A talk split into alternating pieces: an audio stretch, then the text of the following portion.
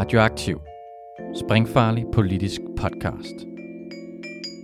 Følg os, like os, del os, læn dig tilbage og nyd en frisk blandet cocktail af skarpe vinkler, dybtegående analyser og farlige debatter.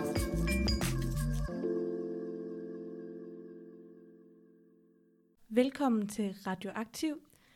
Mit navn det er Ditte Graven, og det her det er Radioaktivs nye podcast, Græske Tilstande, om græsk politik og historie, og den sender vi i anledning af det græske valg, der skal være her i foråret.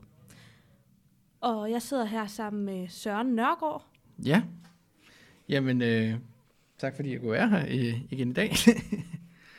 øh, vi, øh, vi skal som sagt have en øh, podcast om, øh, om Grækenland, øh, i anledning af, at der skal være øh, valg øh, her til foråret. Øh, men vi kommer også til at snakke om alt muligt andet i forhold til græsk historie. Og anledningen til det er sådan lidt, at altså alle har måske hørt noget om fransk politik, og italiensk politik har også fyldt noget, men altså Grækenland, jeg tror, det folk ved rent politisk, det er noget med korruption og gældskrise. Og ellers så ved man, at det er et sted, der er en masse turisme, og det er noget med noget uso og noget retina, og måske nogle blæksprutteringe. Ja, men der er så meget andet at fortælle i forhold til Grækenland, øh, som er enormt øh, interessant for os som venstrefløj. Øh, alt fra øh, deres øh, eksperiment, øh, eksperimenter med, med, med, med folkemagt og, og direkte demokrati og, og rådstyre, til deres øh, politiske konflikter, til deres øh, meget anderledes sammenskruede økonomi, til en helt anden venstrefløj, hvor at Socialdemokratiet står meget svagt øh, i forhold til, til partierne til venstre for, øh, for dem. Øhm, der er rigtig, rigtig mange ting, der gør øh, Grækenland til et anderledes sted, og vi håber, at I også er interesseret i.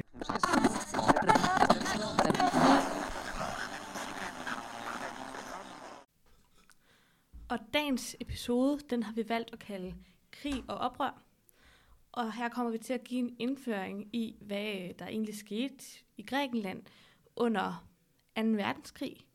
Og så kommer vi til at fortælle om den borgerkrig, der så udbrød bagefter. Og jeg vil starte med at fortælle lidt om, øh, hvordan øh, 2. verdenskrig, den, øh, den, hvordan Grækenland startede med at blive en del af 2. verdenskrig. Det var sådan, på det her tidspunkt, så havde man øh, en egentlig ret træls diktatortype, der hed Ioannis Metaxis.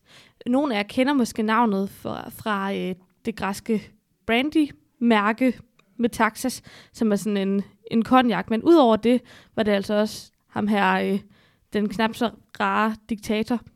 Øhm, han var kommet til magten ved sådan et kup. Ja, yeah. Lidt. Øhm, ret meget. Ret meget.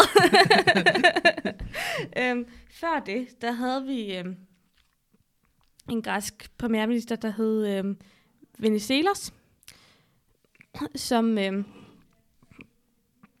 var... Øh, ja, altså man havde ikke sådan helt færdigudviklet demokratiet i Grækenland på det tidspunkt, så at sige, hvordan han helt pludselig var valgt, er en længere forklaring, men han var forholdsvis demokrat, han var valgt ved et forholdsvis demokratisk valg, og øh, havde sådan set rimelig god opbakning i, i befolkningen, så fik han lidt øh, vedtaget noget ret konservativ lovgivning. Han, flæ, han fik blandt andet forbudt kommunistpartiet, og derfor mistede han øh, ret meget opbakning i for eksempel arbejderklassen, som han før havde haft som en rigtig stor del af sit vælgergrundlag. Så det begyndte sådan at blive lidt små uroligheder i befolkningen, og det fik kamp her med Taxas, der var general på det tidspunkt, så udnyttet til at øh, mere eller mindre tage magten med hjælp fra øh, den græske konge, som på det her tidspunkt egentlig var i eksil. Men ham fik med Taxas så tilbage, og så fik han så kongen til at indsætte sig selv som leder. Og det var ligesom den situation, man havde dengang 2. verdenskrig den brød ud. Og fordi Metaxas han selv var sådan lidt halvfascistisk, så øh, valgte han, at Grækenland skulle forholde sig neutralt i 2. verdenskrig. Men øh, det gik altså verden værre eller bedre, end at italienerne de begynder at blive lidt jaloux over, hvor meget Tyskland de har fået erobret rundt omkring. Så de vil vise, at se, det der med Europa områder, det kan vi altså også. Så øh, de går, vælger, at de vil til at gå ind i blandt andet Grækenland. Så øh, Mussolini, han stiller Grækenland et ultimatum om, at enten så kan de frivilligt lade dem gå ind i Grækenland og besætte strategiske områder, eller også så øh, angriber de dem. Og så er det så, at der går sådan en folkemyte, som er, at øh, Metaxas, da han ser det her ultimatum, som øh, øh, den øh, italienske ambassadør viser ham, så skulle han have kigget på ham, og så bare svaret med et ord. Ohi, som betyder nej på græsk. I virkeligheden, så har han vist faktisk svaret i lidt mere end et ord, og endda på fransk. Jeg tror, det er donc c'est la guerre. Det lyder rigtigt. Men øh, i hvert fald, så er det sådan, myten går, og det er en myte, der fylder rigtig meget i græsk selvbevidsthed i dag. Faktisk så er det sådan, at nej-dag, som den hedder, emera tu uhi på græsk, det er en græsk helligdag, hvor øh, alle arbejdspladser og skoler har lukket, ligesom vi kender det fra helligdag her hjemme, og man har øh, optog i gaderne, både militæroptog, men også øh, skoleoptog, hvor skoleklasserne de går rundt i byen i græske nationaldragter, og øh, så klassens dygtigste elev får lov til at gå med en fane, og det er meget stort dernede.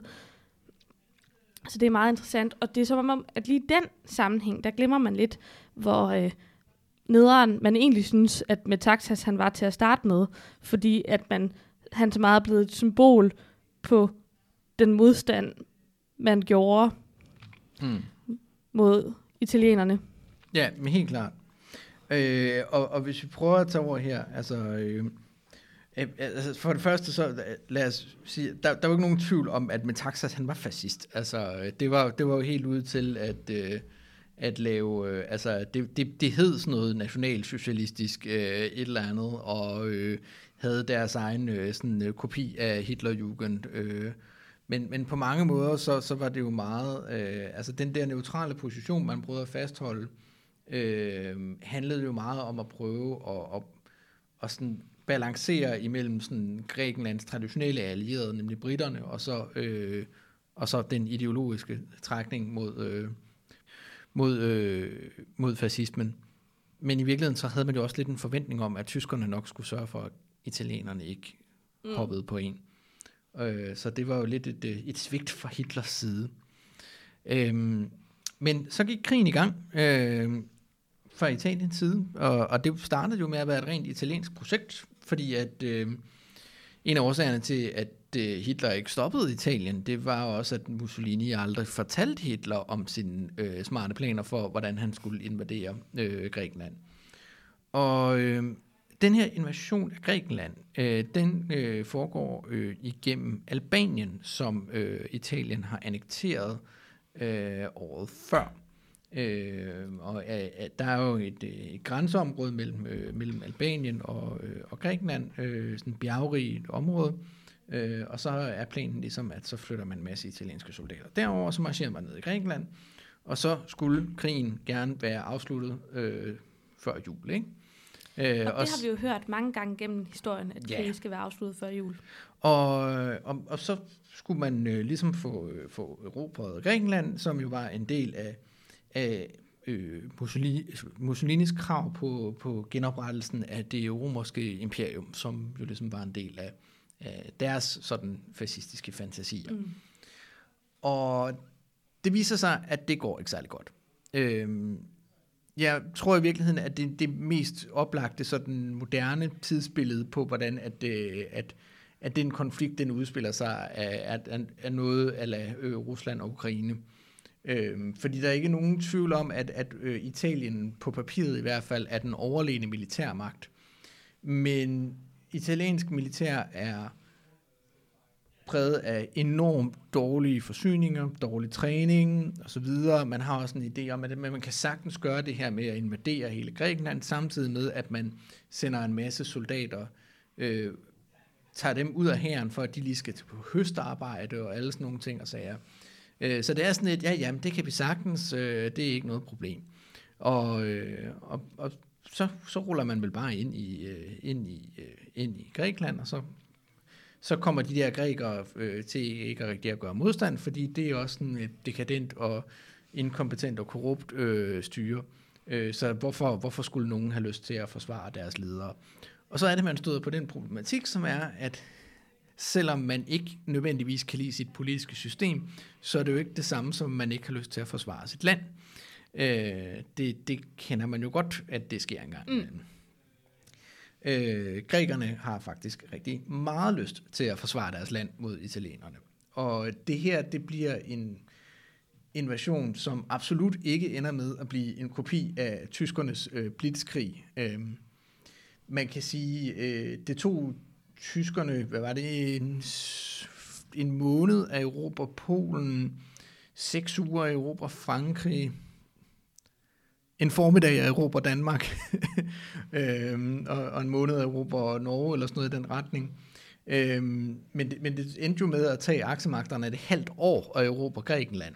Øhm, og på den måde så ender Grækenland jo også øh, i den her periode med lidt at blive en, en international sådan, øh, sådan øh, course celebre, øh, hvor at øh, der er sådan stor opmærksomhed om den græske kamp, fordi de på en eller anden måde viser en, en form for modstand, øh, modstandsevne mod aksemagterne, som man bare ikke rigtig har set før.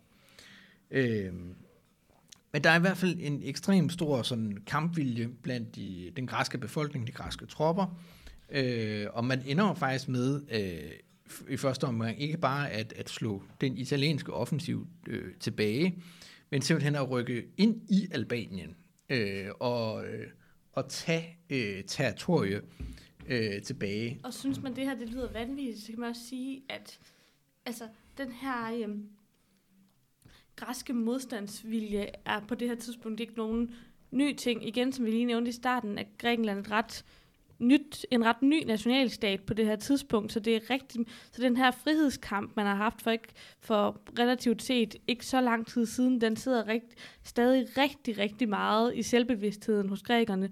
Så det kan godt være, at man ikke har en stor tiltro til sit politiske system, mm. men man har sørme stor tiltro til sig selv som folk. Øh, og og det, det, det har jo været, øh, så det, det har været en meget, meget hård øh, modstandskamp, øh, som, som har været der øh, fra, fra grækernes side. Men efter et stykke tid, så må Mussolini jo øh, give op og øh, gå til storebror Hitler og sige, at han vist nok kom til at indlade sig på et projekt, der var lidt større, end, end hvad han lige kunne, kunne løse selv. Ups. Ups. Og øh, så er det så, at... Øh, Hitler, udover at skælde ham ud rigtig, rigtig meget, og råbe rigtig meget af ham, siger, okay, så må vi jo løse problemet for dig. Øh, og så kommer man ned. Øh, det her det er en del af, af de generelle forberedelser, der er til Operation Barbarossa, altså invasionen af Sovjetunionen, og invaderer ned igennem øh, Jugoslavien, som falder på en uge eller et eller andet den retning. Øh, og så kommer øh, ned igennem Jugoslavien, øh, og så ligesom kommer ned til, til den græsk-jugoslaviske grænse, som ikke er forsvaret af grækerne, fordi det her de slet ikke, altså de har jo ikke befæstet den grænse mm. på samme måde. Og så får de også bulgarerne med i krigen på, øh, på, på aksemagternes side, øh, hvilket vil sige, at de så mylder ind igennem Trakien øh, og, og ned og Europa til Thessaloniki. Øh, og, og altså, så kollapser fronten jo hurtigt øh, for grækerne. Øh, og der sker også det øh, i den her proces, at øh, Johannes Metaxas, han dør af et slagtilfælde. Øh, så han, han, han dør simpelthen øh, under invasionen. Og, øh, og det er jo nok også en af årsagerne til, at han sådan lidt har kunnet have det her øh, positive image øh, set i bagklodskabens lys, fordi at øh, han sådan kun var der til at gøre modstand, men ikke til at overgive sig. Mm. Øh, eller til at gøre andre ting, øh, for den sags skyld. Øhm, og så, øh, så ender det her øh, jo med, at, øh, med, at man øh, får britisk hjælp, øh, altså britterne intervenerer på, på grækernes side, men det lykkedes jo ikke helt rigtigt. Øhm, og, og så til sidst, så må man jo konstatere, at det bedste, der er at gøre, det er at evakuere de eksisterende britiske styrker og... Øh, og andre Commonwealth-styrker og græ- græske styrker øh, fra Grækenland, så de kan fortsætte krigen øh, på, på andre fronter. Øh, og så ender det jo så med, at, øh, at tyskerne øh, får, får ligesom kørt hele vejen til Athen og får, øh, får erobret Grækenland, og regeringen øh, overgiver sig. Øh, og og det, det er jo et meget hurtigt chok, det her. Altså, det, det sker utrolig hurtigt, at man går fra at være altså nærmest sejrherre i den her mm. krig, til at, øh, til at virkeligheden bliver vendt på hovedet, og at man har overgivet sig. Øhm, men det betyder også, at der er rigtig, rigtig mange græske øh, soldater, der stadigvæk render rundt derude med våben øh, og er klar til at kæmpe. Øhm, og at de har mistet enhver form for tiltro til deres, sådan, deres regering og deres, øh, deres øverste ledelse. Øh, og det er her, hvor at øh, den vigtigste fra et venstreperspektiv, øh, venstrefløjsperspektiv i forhold til den øh, 2. verdenskrig begynder at ske. Ja, for det er noget med, at man har en ret magt, eller en ret øh, slagkraftig modstandsbevægelse i Grækenland, og den er ret funderet i den kommunistiske bevægelse. Jamen det er det nemlig. Øhm, det der sker, det er, at efter, øhm, efter øh, at man har overgivet sig, øh, få måneder øh, efter, så bliver der startet øh, en øh, modstandsbevægelse, som hedder øh, EAM, og den øh, står for et eller andet, det kan jeg simpelthen faktisk ikke lige huske, hvad det helt præcist egentlig er, den hedder. Men det er sådan noget, øh, det nationale befrielsesfront, yeah. øh, at det betyder. Øh, og den blev stiftet på initiativ af Grækenlands Kommunistiske Parti, KKE, som går helt, øh, som blev stiftet tilbage i 1920. Øh, på det her tidspunkt så har Grækenland en venstrefløj, der primært er det her kommunistiske parti, altså som er sådan øh, måske to øh, kommunister, øh, og så er der nogle andre sådan små grupperinger. Og KKE får så ligesom samlet de her forskellige små øh, socialistiske øh, grupperinger øh, i den her øh, enhedsfront øh, i ham. Og der er både sådan nogle øh, mere sådan socialdemokratiske, og der er nogle, der er sådan lidt mere nogle antistalinistiske kommunister, og der er nogle, der er sådan nogle bondesocialister osv. Det er sådan en forholdsvis bred konstruktion. Og, øh, og, og de skaber så en folkelig øh, modstandsbevægelse imod, øh, imod besættelsesmagterne, som jo på det her tidspunkt er både Italien, Tyskland og også Bulgarien, ikke mindst at forglemme. Og det ender med at blive en helt ekstrem succesrig øh, modstandsbevægelse. Øh, da den kommer op på, sin, øh, på sit højeste, så har det ifølge forskellige kilder, så har det mellem halv og to millioner medlemmer, øh, og imellem 50.000 og 80.000 væbnede soldater. Øh, og man kan sige, at til sammenligning, så Danmark øh, og den danske modstandsbevægelse øh, kom aldrig op over mere end maks 100.000, øh, der var involveret. Øh, så vi har at gøre med en markant større modstandsbevægelse, og det her det er jo bare den kommunistiske modstandsbevægelse.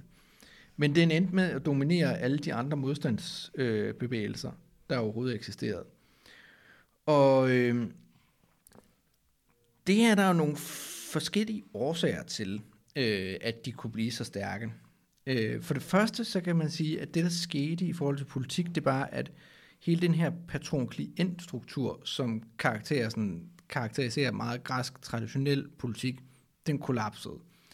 Og, og den her form for patron-klient-politik består meget i, at det er en meget sådan øh, noget for noget form for politik, hvor at øh, man stemmer på den politiker, som, altså den konkrete kandidat i, i ens område, som kan levere øh, forskellige former for goder og ydelser mm. til en. Øh, det kunne være øh, arbejdspladser, eller øh, det kunne være øh, lokal infrastruktur, eller, eller altså, altså man har ikke helt rigtigt den der forståelse af, at politik er, handler om ideologi eller partier eller sådan noget. Så det er meget mere individdrevet, og, og så stemmer man på dem, der gør det gode for en selv. Men under besættelsen, så kollapser det her fuldstændig, fordi at der er jo ikke nogen lokale politikere, der kan sørge for, at der er noget godt, der sker for en. Altså fordi græsk nationalpolitik er ophørt med at eksistere. Samtidig så har vi en, en stor øh, hungersnød i 41-42, hvor der er næsten 300.000 grækere, der dør af sult. Øhm, og det rammer selvfølgelig de fattigste sådan uproportionelt hårdest. Øh, men det skaber en, en meget stor øh, tilslutning til sådan venstrefløjsbevægelser. Jeg kan fortælle, at når man tænker hungersnød, så er det, altså, det er voldsomt hungersnød, vi taler her, især inde i byerne, hvor man jo ikke har haft øh, mulighed for at være selvforsynende. Der er beretninger om folk, der har gået og plukket kastanjer i parkerne for ikke at dø mm. af sult, og spise prøvet at koge græs og den slags ting. Ja. Øh, og den sidste øh, faktor, som er enormt afgørende, det er, at kommunisterne, fordi at de har været forbudt siden Venizelos tid, øh, har jo allerede en undergrundsorganisation, mm. så de er vant til at operere øh, som illegal organisation, øh, og har ligesom allerede den struktur, der er klar til at, øh, til at operere, øh, selvom at man er forbudt. Øh, men IRAM ender med at blive den her enormt store befrielsesorganisation, og den ender med at blive en, en form for stat i staten, øh, og, og have nogle selvstyrende områder, som vi kender øh, det fra måske øh, nogen vil tænke på Kurdistan øh, i dag, og, øh, og de kurdiske militser dernede, det kan også være sådan noget de zappatistisk styrede områder i Mexico. Øh, men man har øh, EAM, som er sådan en paraplyorganisation. Og så under den, så har man en masse underorganisationer. Man har ELAS, der er deres militærgren, deres, øh, altså så selve sådan dem, der render rundt og laver øh, guerillakrig mod tyskerne og mod øh, de borgerlige modstandsbevægelser selvfølgelig. Mm-hmm. Øhm, så har man EPON, der er deres ungdomsorganisation, og øh, udover øh, alt muligt andet, jamen så ligesom at vi kender det fra, fra Danmark øh, på det her tidspunkt, så de ungdomspolitiske organisationer var også nogle, der arrangerede fest og bal og dans og, og hygge og alt muligt andet for ungdommen. Og så havde man øh, E, så havde man, hvad hedder det, EEAM, som er den faglige organisation. EEAM, vil man bare kalde det. EEAM, ja. Som, øh, som ligesom øh, styrer øh, alt det faglige arbejde i byerne. Øh, og som blandt andet øh, organiserer strejker. Øh, man lavede en kæmpestor strejke i 1943 øh, for at blokere for, at øh, besættelsesmagten øh, hvad kan vi sige, sådan deporterede grækere til brug for sådan tvangsarbejdskraft i, øh, i, i koncentrationslejrene. Øhm, og så har man EA, som er deres øh, velfærdsorganisation. De står som for at uddele øh, fødevarer og, og alle sådan nogle ting og sager og nødhjælp. Øh, og så i december 1942, så har man simpelthen også fået Elan, som er deres flåde. Spændende. Øh, men man har altså en, øh, en, en nærmest en reel stat-struktur, kan man jo nok mm. forstå på det her. Og øh, man har øh, grupper i hundredvis, øh, hvis ikke tusindvis af græske landsbyer. Øhm, og samtidig, jam, det er den eneste, altså det er den eneste nationale modstandsgruppe. Der er altså alle de borgerlige modstandsgrupper, de er sådan lokalt forankret forskellige steder.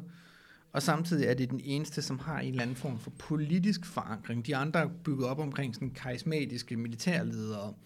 Øh, altså hele det der med at have noget civilsamfund og alt sådan noget rundt omkring, øh, det har de andre ikke. Øh, så ude i sådan en landsby, så har man, øh, så, har man så selvfølgelig sin, øh, sin øh, EA, som laver det sociale arbejde og ligesom sørger for, at øh, folk kommer, kommer igennem øh, og får til dagen og vejen. Så har man jo selvfølgelig et pond, der står for at lave sådan ungdomsaktiviteter og alt sådan mm-hmm. noget. Så har man ETA, som er deres guerilla-sekretariat, øh, som står for at opkræve skat. Guerilla og sekretariat, det lyder sjovt sammen. Ja. Jamen, det her det er virkelig en, en underskøn blanding af, af byråkrati og, øh, og anarki, øh, og jeg kan godt lide det. Men de opkræver skat til lokale guerillasoldater øh, fra Elas, øh, så de render rundt og sørger for, at, øh, at alle bidrager til at sørge for at, øh, at betale deres løn og, og pension og alle mulige andre ting og sager. Og så har man en EAM-komité, som er ligesom den her fælles demokratiske myndighed. Øh, og, og de har en formand, som hedder en uh, Ipeftinos, så hvis jeg udtaler det rigtigt. Nogenlunde. Ja. Og øh, det er her, hvor at kommunisterne ligesom gør deres indflydelse gældende, fordi selvfølgelig er det ikke sådan så, at stor, størstedelen af den græske befolkning lige pludselig er blevet kommunister. Øh, men, men de her, øh, de her meget engagerede, dedikerede kommunistiske aktivister, øh, de øh, er jo med tidligt til at opbygge det her, og, og derfor ender det tit med at blive dem, der er... Øh, der, der får øh, de her titler, øh, øh, de her, der bliver de her IPF Tinøj, øh, som, øh, som er de her lokale magthavere. Og strukturen fungerer så sådan, så de her IPF Tinøj, de, øh, de mødes så sammen i et område, og så vælger de så blandt sig en, øh, hvad kan vi sige, en, en, en distriktsledelse, og de vælger så en regionsledelse, mm. og de vælger så nogle delegerede til den nationale ledelse. Og det betyder så, at selvom det kun er 10% af EARMs medlemmer, der er medlemmer af KKE, så er det 50% øh, øh, minimum, der på et hvert tidspunkt, givet tidspunkt har øh, flere, øh, altså i, så har i KKE øh, på et hvert givet tidspunkt klart 50% minimum i centralkomiteen i ERM. Fordi det er ligesom forankret omkring de her meget lokale, stærke øh, kommunister. Øh, og det, altså det, det er jo ikke sådan nødvendigvis, fordi det er et spørgsmål om manipulation, det er jo også bare sådan de aktive demokrati, ikke? Altså, det kender man jo også fra foreninger, at der kan sidde klaner, ja. fordi der er nogle bestemte, der er meget aktive.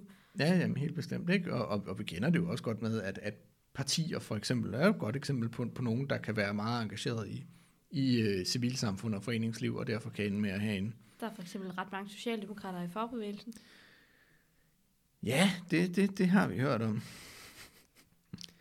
men, øh, men det, øh, altså efter, efterhånden som den her medlem, øh, sådan bevægelse den bliver større og større, så er det, det ligesom går over til det her øh, rådsdemokrati, øh, det her folkestyre, hvor man siger, at det er ikke nok, at vi bare har den her stærke modstandsbevægelse, som laver selvorganisering.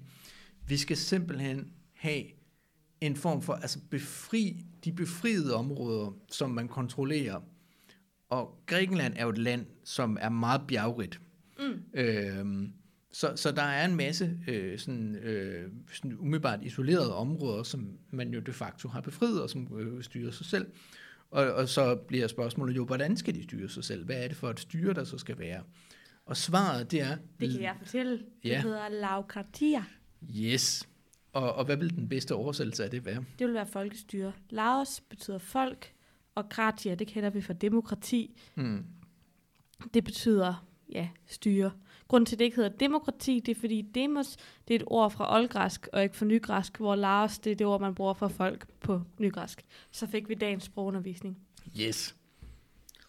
Og øh, der udsender man simpelthen nogle dekreter omkring, hvordan man skal have det her lokale selvstyre, altså laokratier. Og, og det bliver jo et kæmpe eksperiment i sådan lokale rådsdemokrati og direkte demokrati. Så man har sådan direkte valg til nogle byrådsudvalg, landsbyråd, øh, sådan forskellige landsbyforsamlinger. Og der har man en borgmester og et udvalg, der står for skole og kirke og sikkerhed. Øhm, øvrigt også sjovt, altså på det her tidspunkt, hvor man, altså man tænker måske, at sådan nogle hardcore betonkommunister, de, øh, de ikke kan lide religion, øh, men de prioriterer stadigvæk, at man skal, selvfølgelig skal man have et, et, et kirkeudvalg, som, øh, som kan sørge for, at kirken mm. den bliver drevet ordentligt. Øhm, man har også, øh, altså så har man de her andre udvalg, hvad er det, skole, kirke, fødevare og sikkerhed, og et kontroludvalg, som står for at kontrollere de andre. Det er sådan lidt kritisk revision-agtigt. Spændende. I forhold til kirkeudvalget kan jeg også fortælle, at der var en del kommunistiske præster. Ja. Øh, der var en del af ja.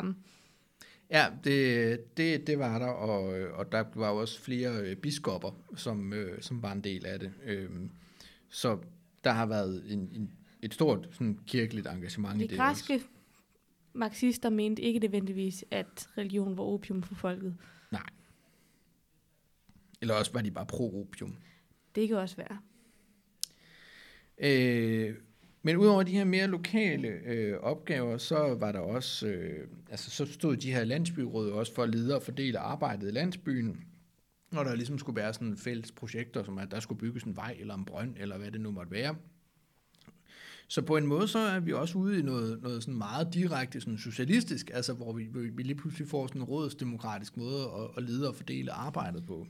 Det er jo også interessant i forhold til de kommunistiske styre, man altså hørt om, hvor det er meget top-down. Ja. Og man har en meget stærk demokratisk kontrol. Altså, alle vælgere kan fremmøde til alle møder. Øh, alle kan få lov til at holde, øh, holde debatindlæg og stille forslag. Og så kan man øh, altså tilbagekalde rådet med en tredjedel af, af alle vælgere. Så kan man simpelthen bare sige, nu, nu, nu kræver vi en ny valg. Hmm.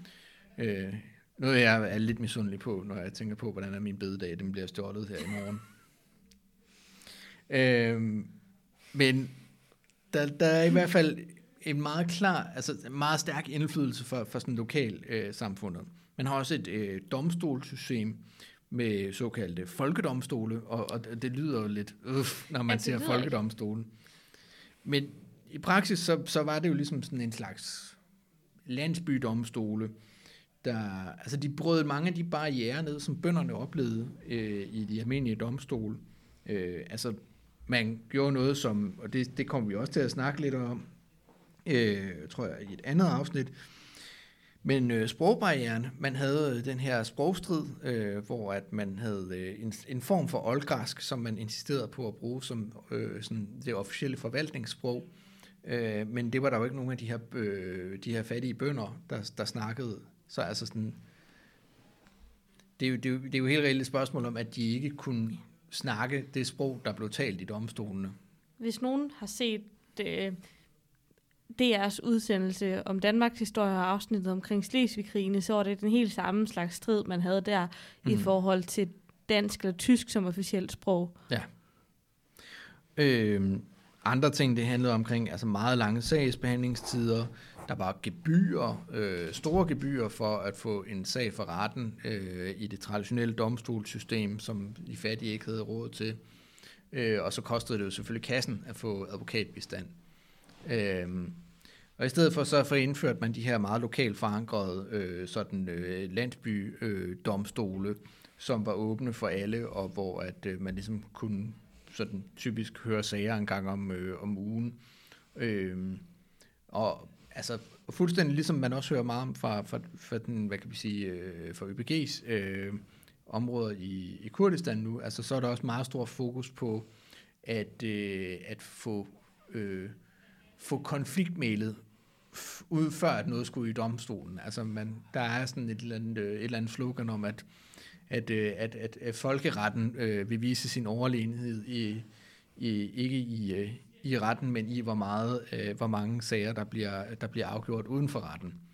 Øh, fordi man netop siger, at det, det vigtige er, at vi, vi, kan, vi kan ligesom finde forlig, og vi kan komme videre, øh, i stedet for, at der er behov for, at der skal være en, en stærk autoritet, der afgør den her konflikt for os.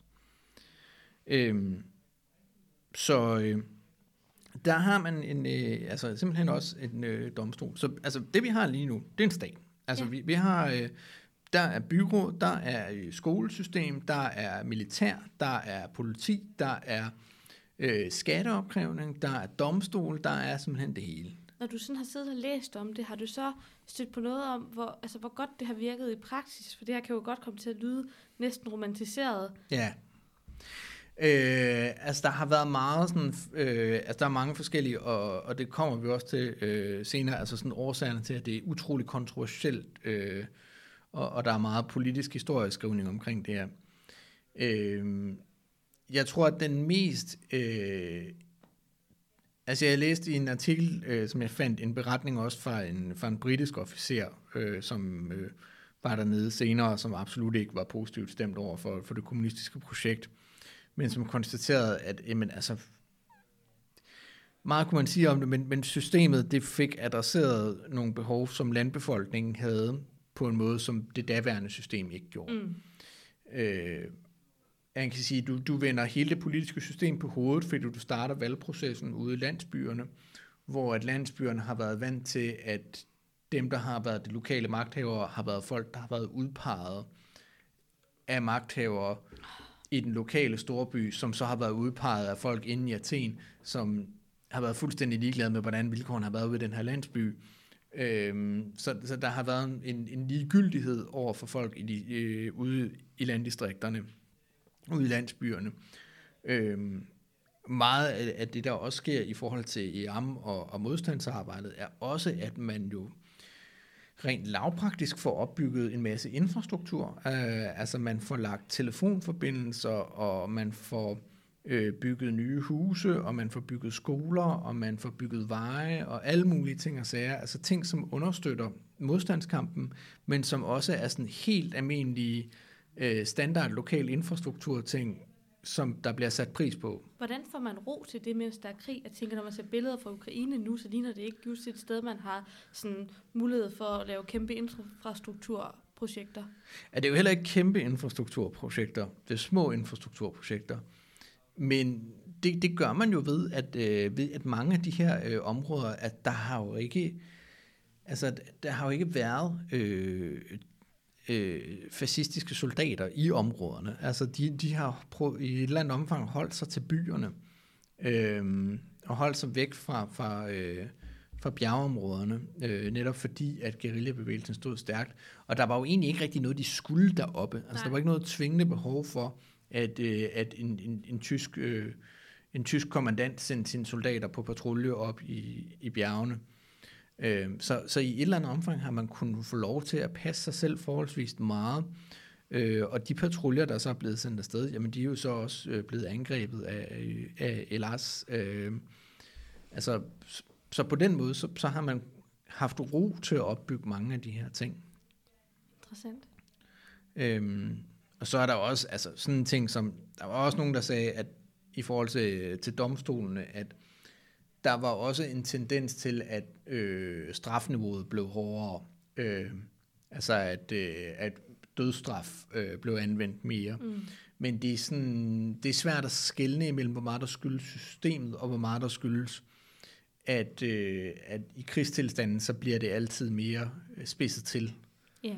Øh, fordi altså, jeg tror, vi kan jo alle sammen godt blive enige om, at det virker meget drastisk, at, øh, at, at, at henrette folk for kvægteori. Øhm, men i en situation, hvor der er hungersnød, så, så bliver det lidt mere forståeligt, at sådan noget det sker.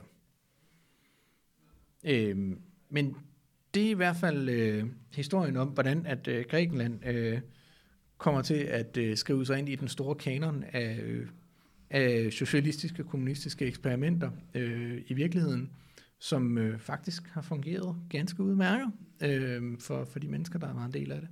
Meget interessant. Og så vil jeg så vide, gå videre og fortælle lidt om, hvad der skete bagefter. Fordi så spørger I måske, jamen hvorfor er øh, Grækenland så ikke det kommunistiske paradis i dag? Ja. Øhm, fordi det var faktisk sådan, at øh, i 1944, dengang Tyskland endte med at trække sig ud af Grækenland, der øh, sad EAM og Elas på langt de fleste områder i Grækenland. Øhm, og da britterne så ligesom kom ind som befrielse her, så regnede man jo sådan mere eller mindre med, at man selvfølgelig i samarbejde, at EAM selvfølgelig i samarbejde med dem, skulle lave en provisorisk regering, som så skulle sørge for at mm. få oprettet noget mere stabilt. Jeg kan lige opklare en ting i forhold til det her med situationen efter krigen. Øh, EAM havde to krav for, at man kunne være medlem af EAM i forhold til deres politiske program.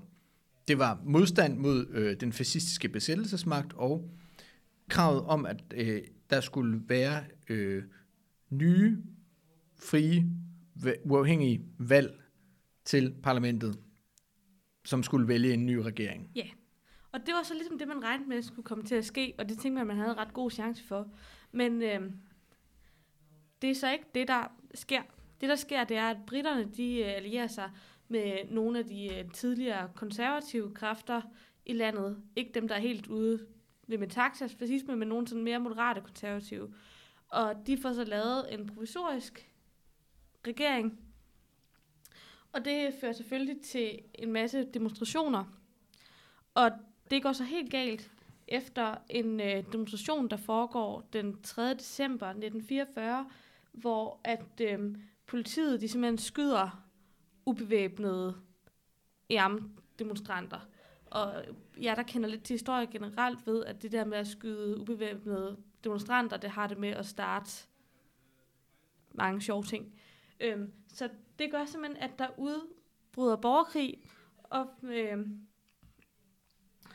og der sker så det, at øh, EAM de starter med at besætte byens politistationer, hvilket så gør, at øh, de britiske styrker, de tænker, åh oh, nej, det her, det går aldrig godt. Øh, fordi Elas, de får simpelthen taget magten over hele Athen, så man får straks kaldt nogle britiske styrker til Athen fra Mellemøsten. Og så øh,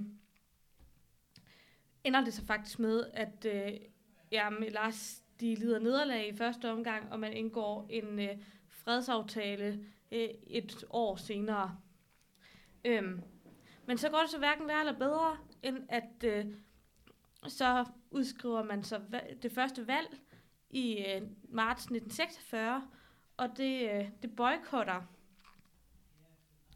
venstrefløjen så, øh, på grund af, at der har været en masse højere terrorisme, som øh, man mener, at øh, parlamentet har set gennem fingre med. Og øh, det gør så, at borgerkrigen, den, det fører blandt andet til, at borgerkrigen den bryder åbent ud igen. Og øh, i den forbindelse, så stifter man så DSE, og det betyder ikke her, som vi måske kender de danske skoleelever, det står for den græske demokratiske hær, øh, som så er en øh, øh, som så er en sammensmeltning af alle de her organisationer under ERM, der så stifter her. Og lederen for det er så en øh, Marcos Faifaktis, der øh, er tidligere Elas leder. Og det går faktisk rigtig godt for DSE. Man har jo netop hele det her apparat, man brugt under modstandsbevægelsen, mm. så det fungerer stadigvæk som øh, guerillakrig. Og det er forresten, en, altså man kan sige, den fortsætter så i et, øh, et år frem til, til 47, og man skal med, at det, det er ikke nogen rar krig. Borgerkrig, det er sjældent behageligt, men altså begge sider begår voldsomme krigsforbrydelser, men øh, det, der er meget den der, enten så er du med os, eller så er du mod os stemning, så altså i øh, de befriede landsbyer, der for begge sider henrettede mm. alle voksne mænd i mange øh, i mange tilfælde, og der er, øh, der er sådan en, en lidt interessant ting, man har sådan en, øh, jeg vil næsten kalde det en børneindoktrineringskrig, hvor man, hvor begge sider kidnapper børnene fra de befriede, befriede områder og sætter dem i ens egne børnehjem. For, altså sådan for de områder, som de har erobret? Ja, for de erobrede områder. Altså begge, ja. både den borgerlige, den borgerlige regeringshær, som den bliver kaldt, og, og DSE, de, øh, det fungerer jo sådan, at de, øh, de slås med hinanden, og så erobrer de ligesom nogle forskellige, især landsbyer. Og så når de har erobret en landsby, så væver de jo så dem til deres her, de kan. Mm. Resten dem øh, sætter de enten i fangelejre, hvis de har øh, øh, hvis de har organisation til det i det her tilfælde, eller også så, øh, så henretter de dem. Øh, børnene, dem er der trods alt ikke nogen, der henretter, men man sætter dem så i, øh, man sætter dem så i børnehjem hos, øh, hos den borgerlige regerings her. Der er det det, der bliver kaldt dronning Frederikas børnehjem, som er noget, der ellers bliver faktisk rost i hele Europa på det, tid, det her tidspunkt for, mm. hvor, øh, hvor velfungerende børneanstalter det er, hvor, hvor god og sund og borgerlig en opdragelse man giver dem. Det bliver ligesom brugt som modpropaganda til de der skrækkelige barbariske kommunister vil se her, lærer de borgerlige, ægte græske dyder, og de er velfriserede og velkæmmede, øh, samtidig med, at der så er enormt stor disciplin, og det har også fået meget kritik senere. Og man så tvangsbortadopterer mange af dem til andre lande, blandt andet, blandt andet USA. Du ser øh, ting som ud. Øh, Federica, er hun også øh, del af den danske, græske kongefamilie? Ja, det er hun nemlig. Det er dronning Frederik, øh, Frederikke simpelthen? Det er det simpelthen. Det, er den, øh, det kommer vi helt sikkert til i et andet afsnit, men den græske kongefamilie er sådan lidt øh, hentet udenfor, udefra, fordi man skulle, øh, man skulle bruge en kongefamilie dengang, at øh, Grækenland blev et land. Så, øh, øh, så øh, en af de familier, der blandt andet har siddet på den, er den danske Oldenborg-slægt, som også den dronning Margrethe tilhører. Ah, ja. Yeah. Så det er lidt interessant.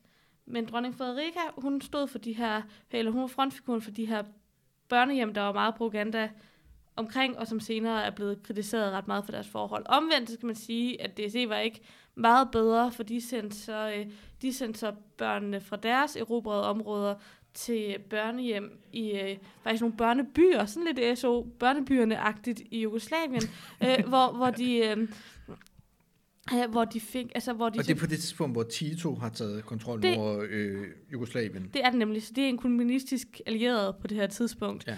Øhm, og altså, her, altså, faktisk tyder de kilder, jeg kunne finde på, at børnene er blevet behandlet rimelig godt. Øhm, de har gået i skole, og de har fået, og de er blevet, øh, og de har fået plejefamilier, og øh, øh, de har fået nok mad. Men til gengæld, så blev de så også altså, temmelig indoktrineret og opdraget til at skulle, lige snart de var over 12, så deltage i borgerkrigen. Det var ligesom, Mm. altså det var bare, det var der ikke til diskussion. Øhm, så altså, det er ikke fordi nogen af siderne er heldige her. Igen tror jeg bare, man må sige, borgerkrig, det, det Ja. fordrer aldrig noget godt. Det er noget møg. Det er noget møg. Men så går det så hverken værre eller bedre, end at øh, i 47, der øh, begynder USA at blive noget betænkelig. Fordi de kan se, at det, det går sgu for godt for de der DSE. De kan finde ud af det der med borgerkrig. Så, øh, så øh, og øh, britterne, de begynder simpelthen at trække deres tropper ud så Mhm. småt. Øhm, så det fører faktisk til Truman-doktrinen, som nogle af jer måske har hørt om, øh, som er den her politik i USA, hvor man forsøger at inddæmme kommunismen, så den ikke spreder sig.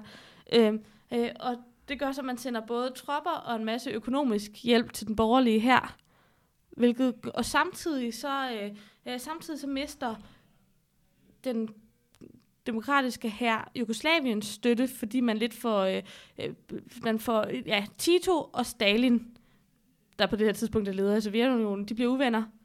Og, øh, øh, og DC får lidt stillet sig på den forkerte side af den konflikt, så man bliver uvenner med Tito. Okay. Og så i mellemtiden, så som jeg husker det, det der sker, det er jo, at øh, Stalin har jo, øh, har jo øh, delt øh, Europa med, øh, med Storbritannien og USA øh, ved, ved Jalta-konferencen, hvor de har siddet og inddæmmet Europa i indflydelsesfære øh, til det, der ligesom senere bliver til jerntæppet. Øh, og der har Stalin jo anerkendt, at øh, Grækenland hører til den vestlige indflydelsesfære. Mm. Men det gjorde han blandt andet, fordi at... Nej, oh, det er også lige meget. Men i hvert fald, i hvert fald så er po- hovedpointen, at Jugoslavien trak sin støtte Mm. til DSE. Ja. Og det gør så, at man bliver, at man bliver lige pludselig, fordi at der kommer, man bliver så overrasket af, hvor øh, meget slagkraft den borgerlige her lige pludselig har med hjælp fra USA, samtidig med, at man har mistet nogle af sine allierede, så bliver man så slået tilbage til Mm. Albanien, og øh, giver så op, og det slutter så borgerkrigen. Så der har vi svaret på, hvorfor at Grækenland ikke er kommunistisk ja. I dag. Og hvad der så senere sker, det tager vi i et andet afsnit. Nu tænker jeg, at vi skal øh, gå videre til at snakke lidt om, hvad øh, det her både borgerkrigen og det kommunistiske eksperiment under 2. verdenskrig har betydet for øh, den kulturelle og politiske situation i Grækenland i dag. Fordi der er en grund til, at vi gerne vil fortælle jer om det her. Det er ikke bare fordi, vi gerne vil belemre jer med en historielektion, selvom det kan være nok så Mm. hyggeligt. Altså for det første, jeg, jeg, jeg synes faktisk, at, at i forhold til, til historielektionen, at det har en, øh, en god værdi i sig selv. Altså al den her, øh, altså man, man hører jo hele tiden som socialist, øh, alle de der borgerlige kritikere, der er sådan, Nå, vis mig et eneste eksempel på socialisme har fungeret i virkeligheden. Ikke? Altså, Mm. mm. Og der er det altid rart, når vi kan få tilføjet lidt mere til sådan vores kollektive bevidsthed om alle de gange, hvor det faktisk har fungeret ganske udmærket. Øh, indtil der lige pludselig kom nogle amerikanere og sagde, øh, nej, Øhm, det synes jeg, at vi har set andre steder i historien. Man kunne for eksempel tænke på Chile. Ja, det kunne man også. Øh, og alle mulige andre steder. Nå, men det skal vi ikke øh, gå i dybden med nu, fordi hvis vi skulle begynde at snakke om alle de gange, hvor at, øh, amerikanerne har invaderet et land for at ødelægge socialismen, så kommer vi aldrig hjem igen. Nej. Men hvis vi nu skal snakke om, øh, om de historiske perspektiver her, jeg synes, at noget af det, der er interessant ved det her, det er, hvordan at, øh, at 2. verdenskrig har øh, givet venstrefløjen en eller anden form for sådan ideologisk styrke, som den har med sig i dag. Mm. Altså, den græske venstrefløj, det kommer vi også til i, i de afsnit, hvor vi snakker mere om partierne og alt sådan noget.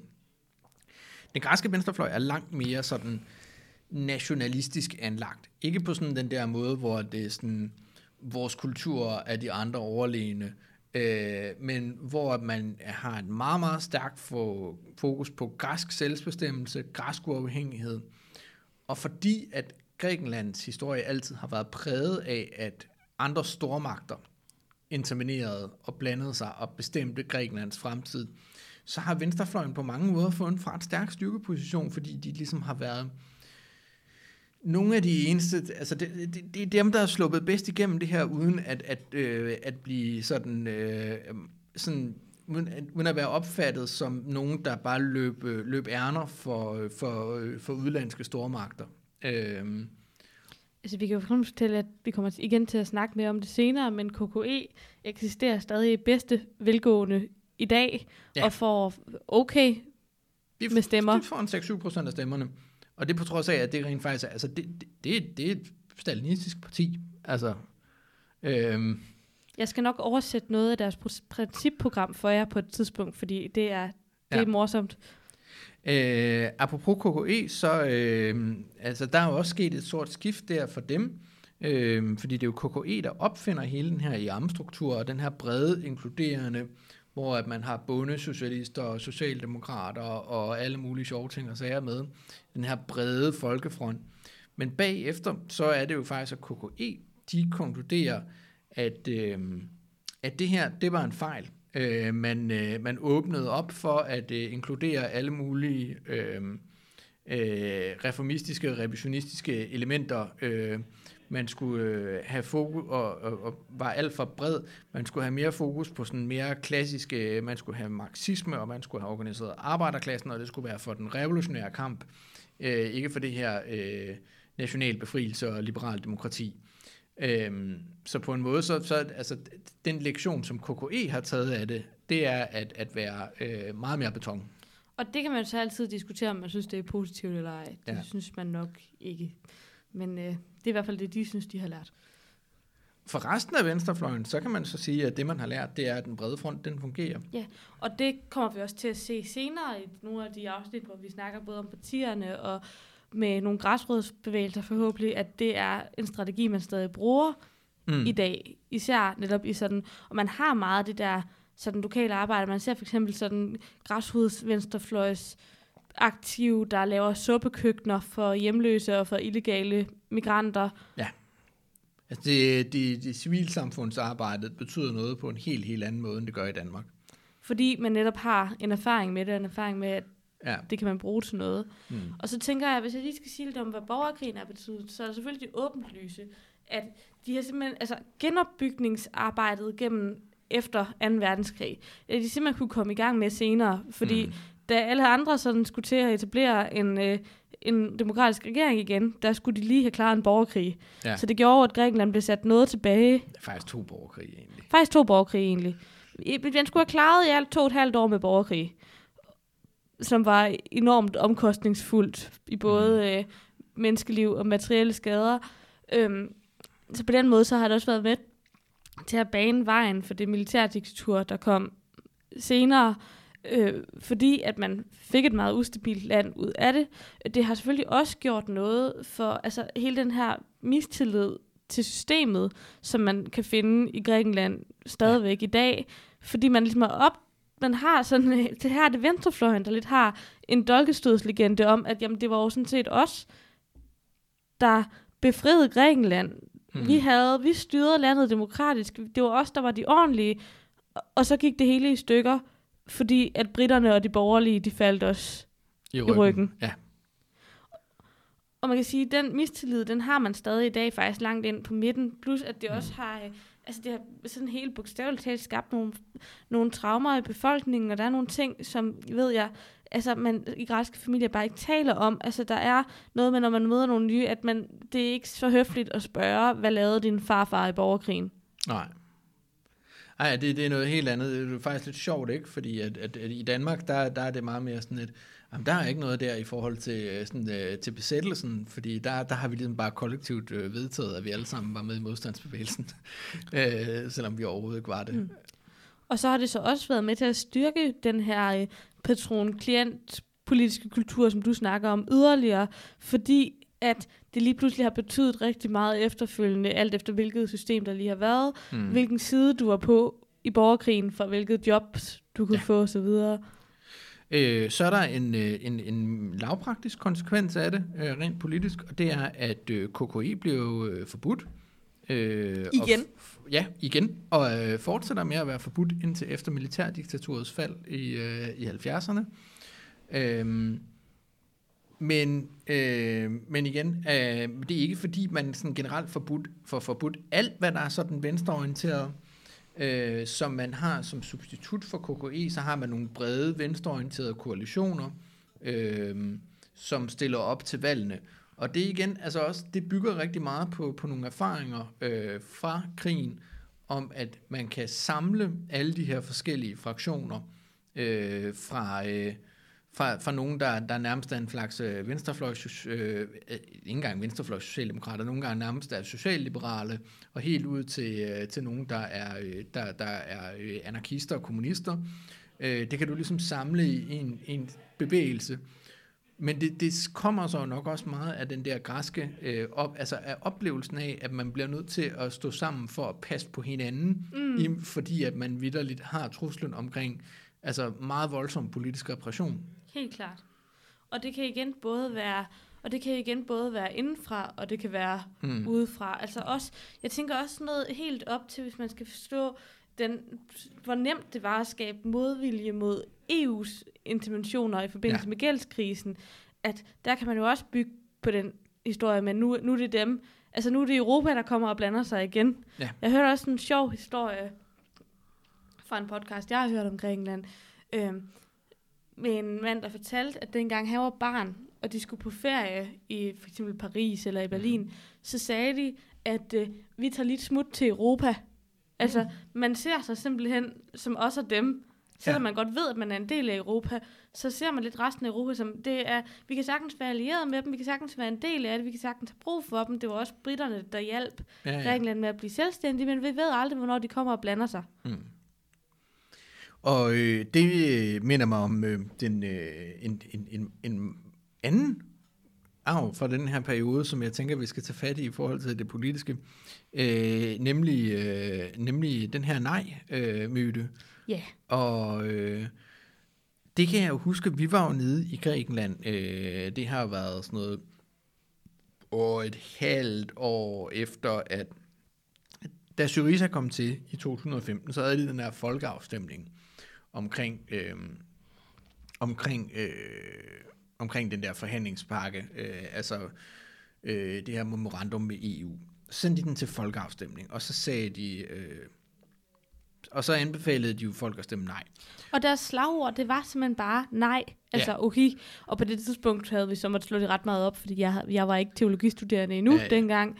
Men øh, vi, vi undrede os lidt over, hvorfor at de ikke sagde andet end nej. Vi tænkte, kan de virkelig ikke finde på bedre?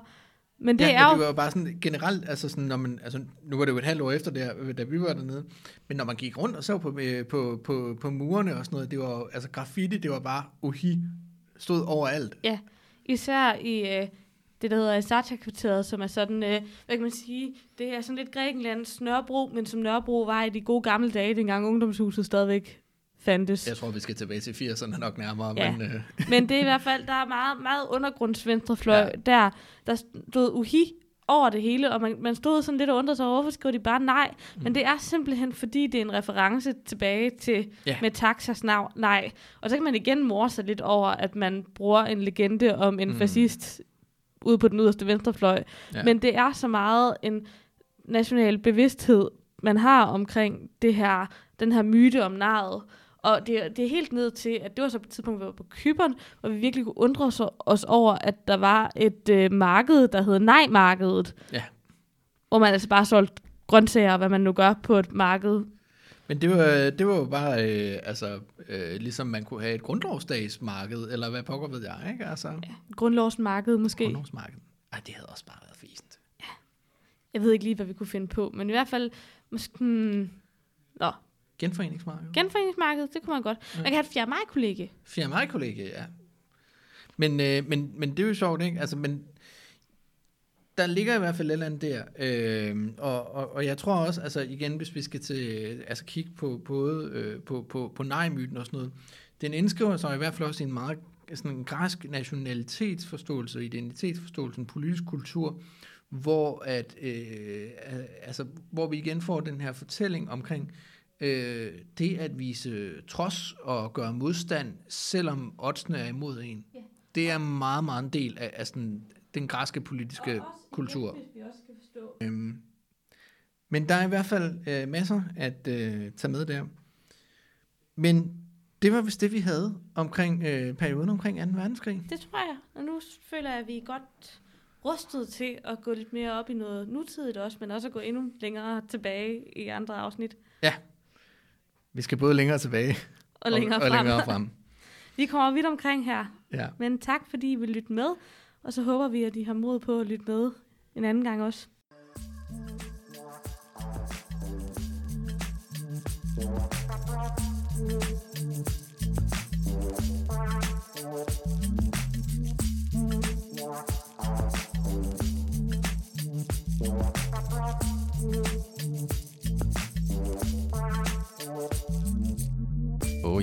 Inden du smutter, husk nu lige at følge Radioaktiv. Vi er på Facebook, Twitter, på SoundCloud eller i din podcast-app. En række af vores podcasts udkommer også som video på YouTube. Du må også gerne dele os med dine venner. Hvis du er ellevild, så kan du gå ind på solidaritet.dk og blive medlem af vores medie.